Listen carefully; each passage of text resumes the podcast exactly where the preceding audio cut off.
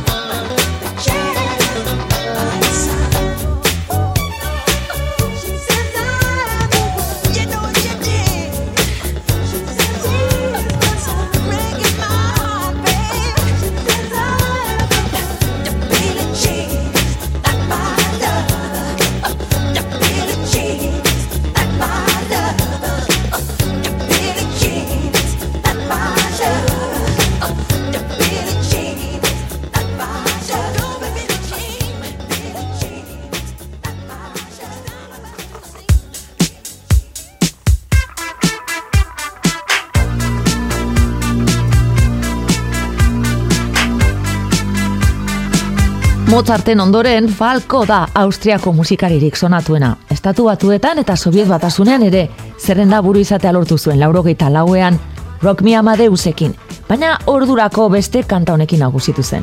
Ja, komisa. Eta lehenengo postuan ibili zen Alemanian, Italian, Espainian, Austria nola ez, eta baita Japonian ere. 2, 3, 4, 1, 2, 3, na, es ist nix dabei, na, wenn ich euch erzähl die Geschichte. Nichtsdestotrotz, ich bin es schon gewohnt, im TV-Funk, da läuft es nicht.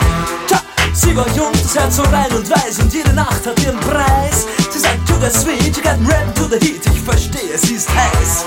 Sie sagt, babe, you know, I miss my funky friends, mein Jack und Joe und Jill. Mein Funkverständnis, ja, das reicht zur Not, ich überreiß, was sie jetzt will. Ich überleg bei mir, ihr Nasen spricht dafür, wäre das nicht noch Rauch? Die Special Places sind dir wohl bekannt, ich mein, sie fährt ja U-Bahn auch. Dort singen's. Radine dumm. Oh, oh, oh. Schau, schau, der Kommissar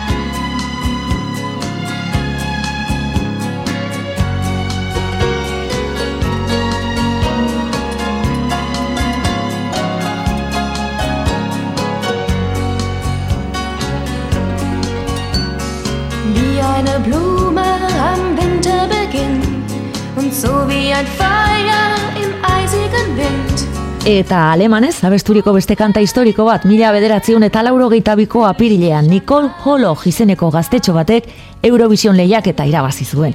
Amazazpi urte zituen, eta alemaniaren lehen garaipena izan zen. Hain bizien friren, hain bizien froide.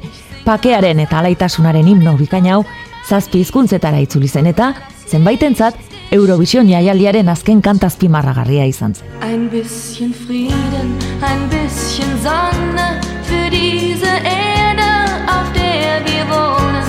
Ein bisschen Frieden, ein bisschen Freude, ein bisschen Wärme, das wünsche ich mir.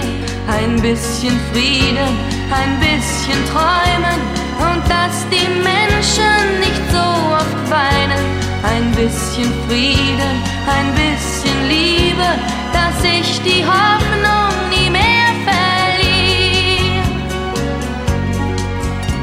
Ich weiß meine Lieder, die enden nicht viel. Ich bin nur ein Mädchen, das sagt, was es fühlt. Allein bin ich hilflos, ein Vogel im Wind, der spürt, dass der Sturm beginnt. Ein bisschen Frieden, ein bisschen Sonne für diese Erde, auf der wir wohnen. Ein bisschen Frieden, ein bisschen Freude, ein bisschen Wärme, das wünsche ich mir. Ein bisschen Frieden, ein bisschen Träumen und dass die Menschen nicht so oft weinen. Ein bisschen Frieden, ein bisschen Liebe,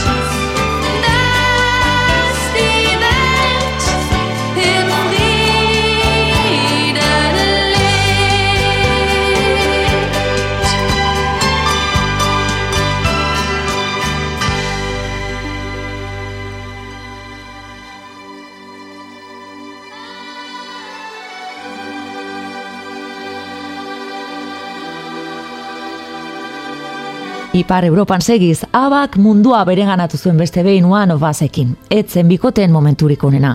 Dibortziatu berriak ziren, eta abestiaren bai letra eta bai musika triste-tristeak dira. Edo zein modutan, mundu guztiko entzule bihotz galdu zein bestelakoekin konektatu zuten. Paradogikoki, hau ezelako abestieko ibeldu ordez, alaitu egiten omen gaituzte. Nonbait kanta tristeek emozio positiboak eragiten dizkigute.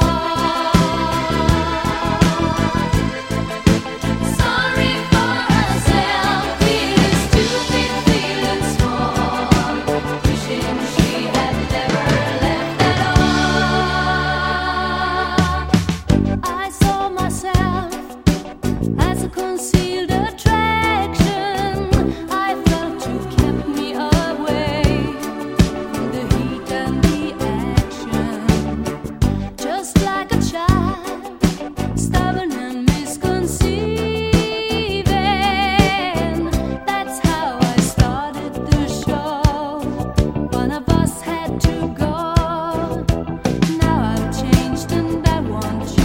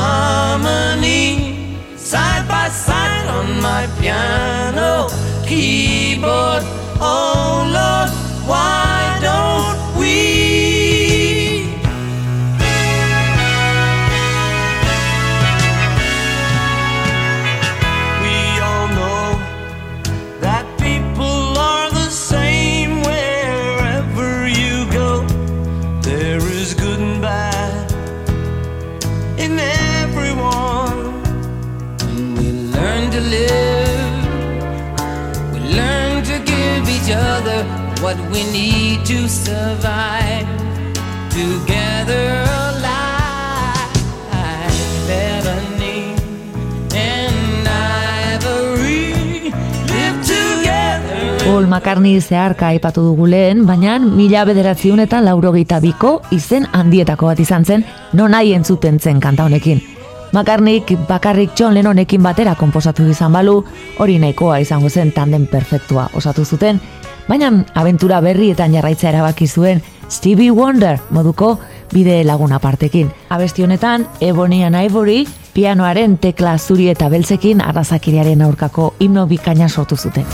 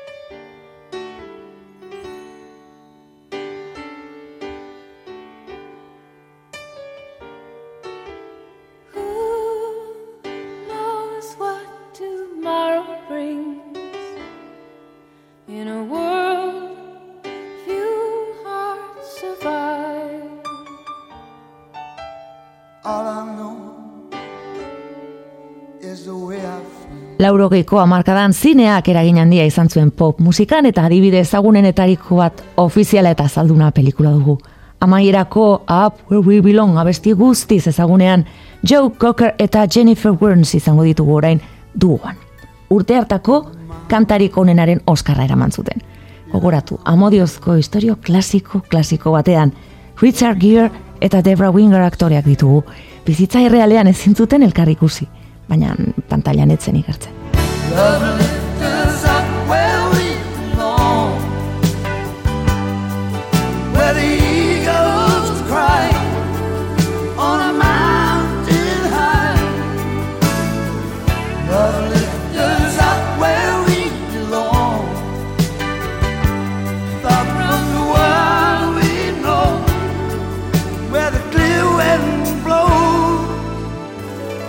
Time goes by, no time to cry. Last you and I, a lot.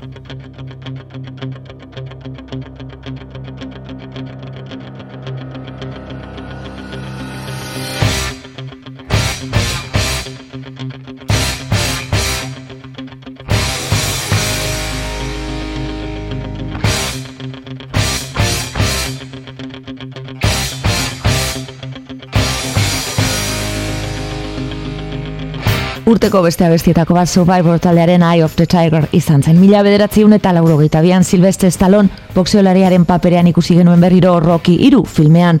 Aktoreak alguziak egin zituen, Queenen Another One Bites the Dusten eskubideak lortzeko, baina azkenean Survivor taldekoen gana jo behar izan zuen eta Chicagoko taldeak idatzi zuen soinu bandaren kanta nagusia.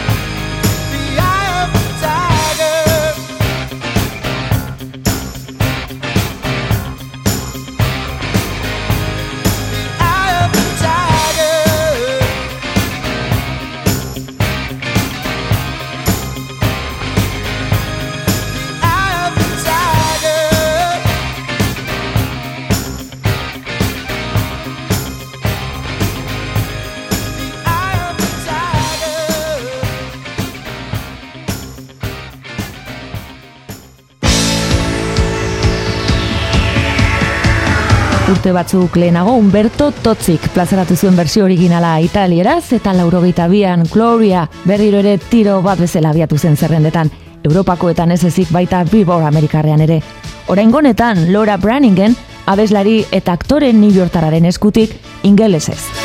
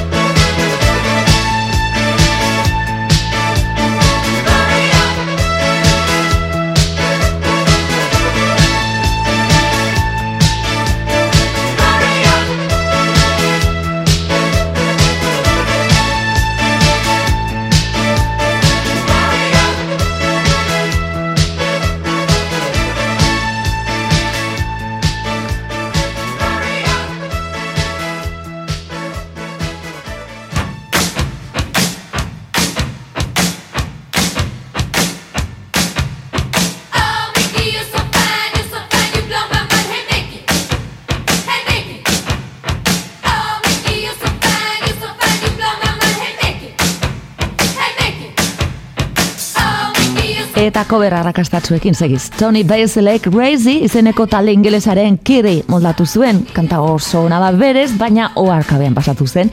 Eta ez zuen bere bidea egitea lortu, Antonia Cristina Basilota izeneko dantzari eta batez ere koreografo famatuak bigarren bizialdi bat eman arte.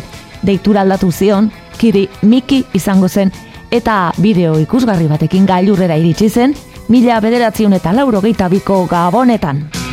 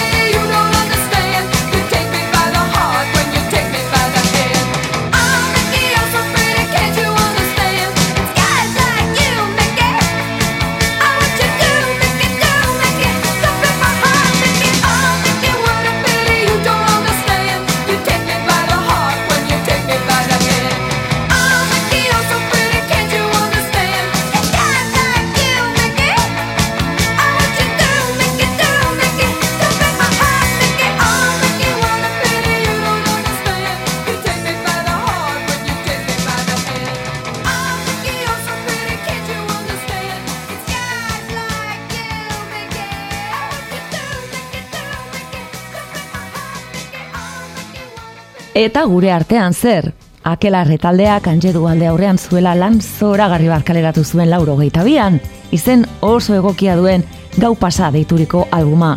Euskal Rokaren sorrera zen, eta izkilarri zidatzita geratu ziren, diskoa osatzen duten zortzia bestiak, country estatu batuararen pare bat hit euskaratuak horien artean, The Eaglesen Hotel California eta Poko taldearen Making Love kantuz izenpean. Kantuzera maiten gauak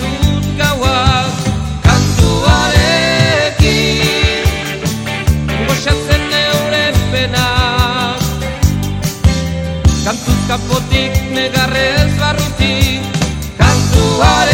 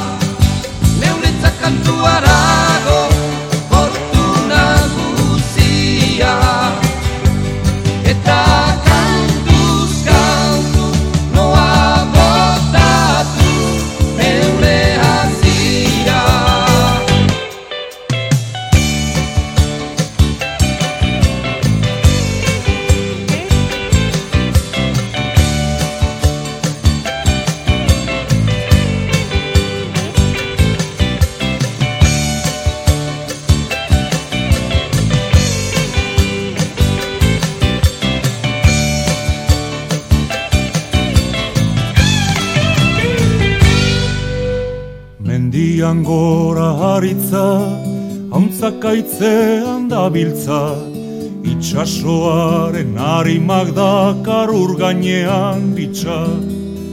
Kantatu nahi du bizitza, usteltzen ez pasaititza, mundua dantzan jarriko nuke jainkoa banintza. Kantatu nahi du bizitza, usteltzen ez pasaititza, mundua dantzan jarriko nuke jainkoa banintza.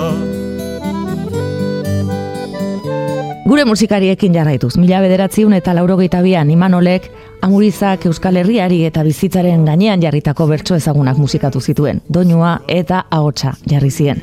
Letrak bere biziko indarra dauka eta Imanolen ahotsa konak ezin hobeto interpretatu zuen Xabier Amurizaren poema borobilau. Michel Nesprias akordo hilaria eta Pascal Gain gitarra jotzen izan zituen lagun. Geroztik, Euskal Klasiko handionen amaika bersio egin dira, gehiago ez badira. Emaidazu freskura, ura eskutik eskura, izarren salda urdin edan da bizi naiz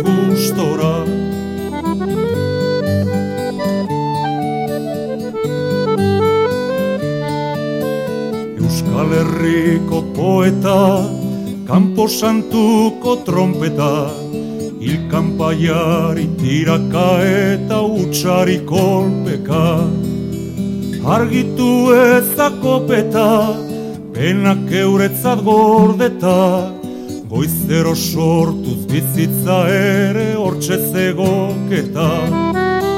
Argitu ezakopeta, penak euretzat gordeta Goizero sortuz bizitza ere hortxe zegoketa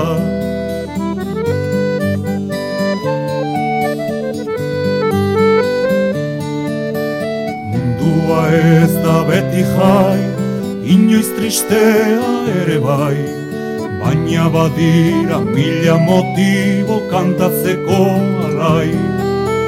Bestela datozen penai, ez diez zuri bota nahi Ni hiltzen nahi gauean behintzate izuelo lasai Bestela datozen penai, ez diez zuri bota nahi Ni hiltzen nahi gauean behintzate izuelo lasai If a woman's hips are ample, then I want her in the hay. Skirt and stocking all a rumple, cheerfully, for that's my way. Antzerkia izan zen David Bowieren pasioetako bat aktore abeslaria izan zen, eta erabateratuan txertatu zituen bere artista ibilbidean. Lauro bian, Euskadi Gratia zein Euskal Telebista ireratzerako Bowie kogei urte zera matzaina da, erabatera edo bestera espektakulua ematen, baina bere ibilbidean une azpimarragarria izan zen. Bertolt Brechten Baal izeneko antzerkilana interpretatu zuen BBC telebistaren zat. Intentsitate berarekin maitatu eta gorrotatzen duen poeta baten historioa kontatzen da. Eta bere gertukoenen esanetan handik aurrera beste bobi bat izan zen, sensibleagoa eta adimentsuagoa. Paper horretan eta Remembering Mary A. deituriko abesti zoragarrian gogoratuko dugu. It was a day in that blue month, September, silent beneath the plum tree's slender shade. I held her there, my love so pale and silent, as if she were a dream that must not fade. Above us in the shining summer heaven, there was a cloud my eyes dwelt long upon. It was quite white and very high above us. Then I looked up and found that it had gone. And since that day, so many moons in silence have swum across the sky and gone below. The plum trees surely have been chopped for firewood. And if you ask, how does that love seem now? I must admit, I really can't remember. And yet I know what you are trying to say. But what her face was like, I know no longer. I only know I kissed it on that day. As for the kiss, I'd long ago forgot it, but for the cloud that floated in the sky. I know that still and shall forever know it. It was quite white and moved in very high. It may be that the plum trees still are blooming. That woman's seventh child may now be there. And yet that cloud had only bloomed for minutes. When I looked up, it vanished on the air.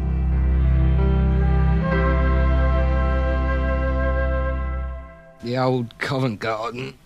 I remember only too well. The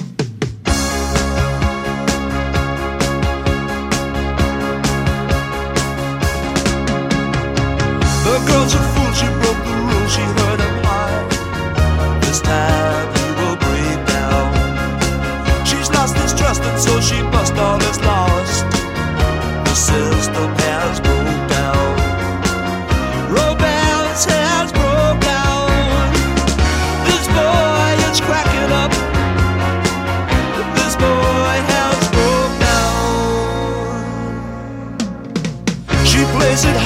plays it tough. But that's enough, the love is over. She's broke his heart, and that is rough. But in the end, he'll soon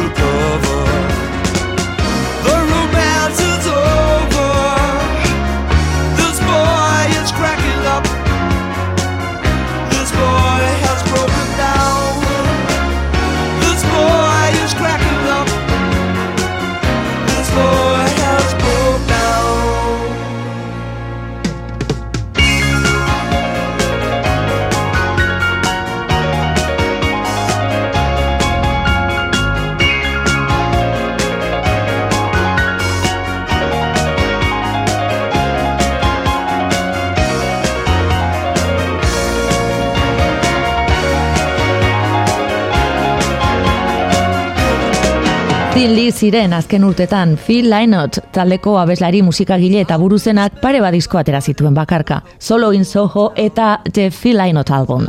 Honek emaitzak askarra izan zuen naiz eta bertan argitaratu zuen Dublin hiriari eskenitako Old Town deituriko abesti zoragarria. Egea da ordurarteko kantengandik milioi bat kilometrotara zegoela, eta Thin Lee ziren jarraitzailek ez zuten ondo hartu, bigunegia zen haientzat. Askok gero dekorzen ahotsetan ezagutuko zuten, baina abia puntua hau izan zen.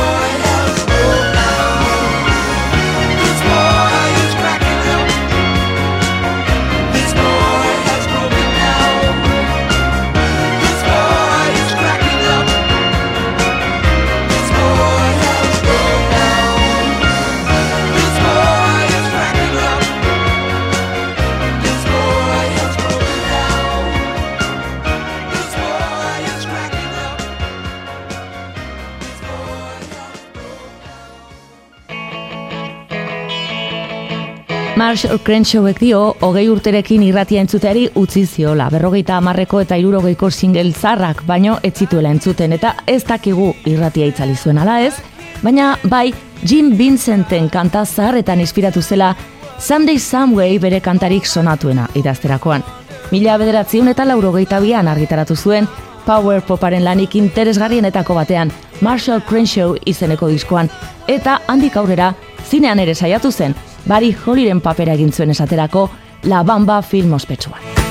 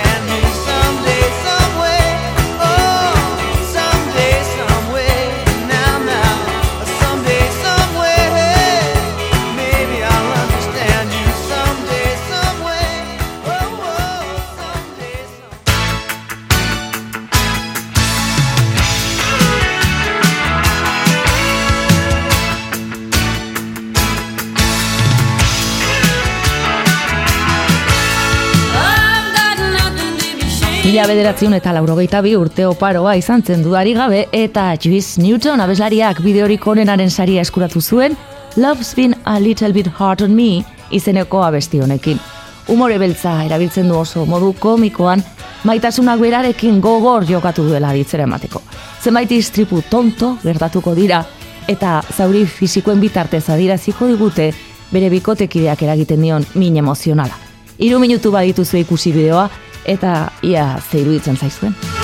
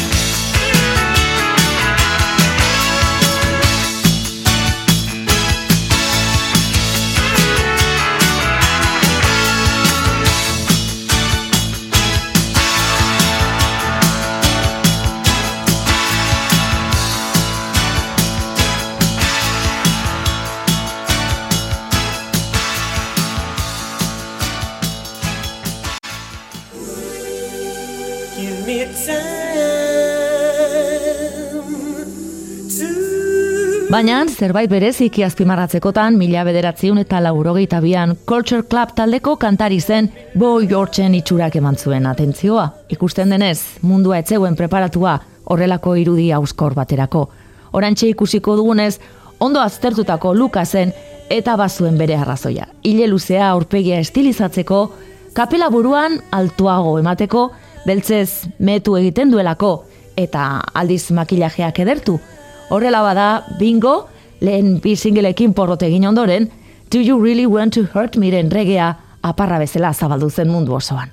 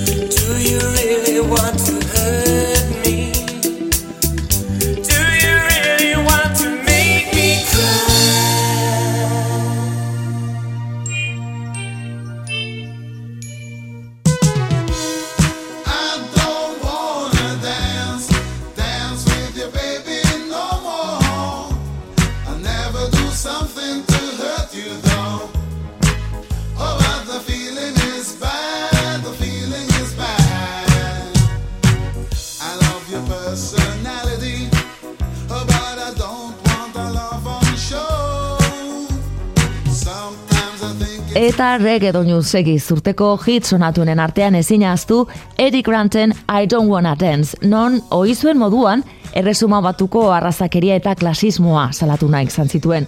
Bakarkako bere kantarik sonatuena izan zen, baina gogoratu G. Equals taldearekin gailurra jo zuela irurogeita sortzian Baby Come Backekin.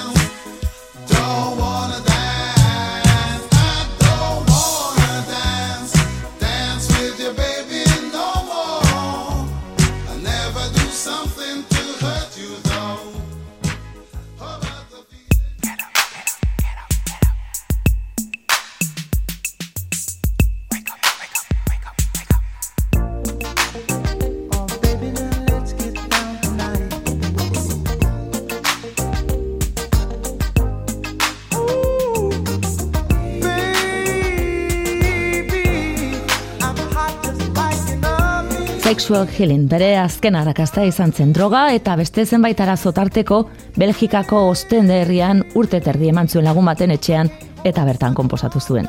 Sexu zendakuntza esan nahi du eta porno menpekotasunari aurre egitea zari da. Marvin Gaye bere aitak tiro egin da hiltzen mila bederatziun eta laurogeita lauko apirilaren batean urte betetze bezperan, berrogeita bost urte beteko zituen izar bat izan zen, eta 2008 batean Rolling Stone aldizkariak bere lanetako bat What's Going On inoizko diskorik onena aukeratu zuen.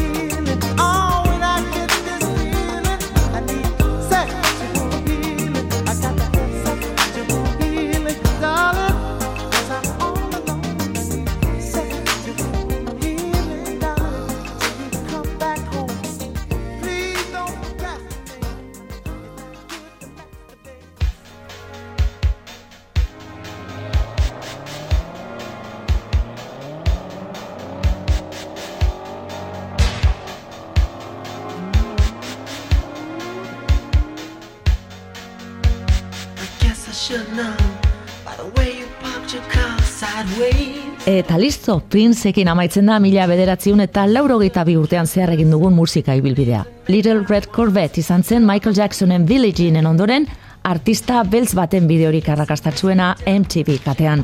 Ah, eta Chevrolet etxeak Princeen Corvette gorria aukeratu zuen 2000 bateko iragarki baterako. Honela zioen, They don't write songs about Volvos. Ez dute Volvoei buruzkoa bestirik idazten.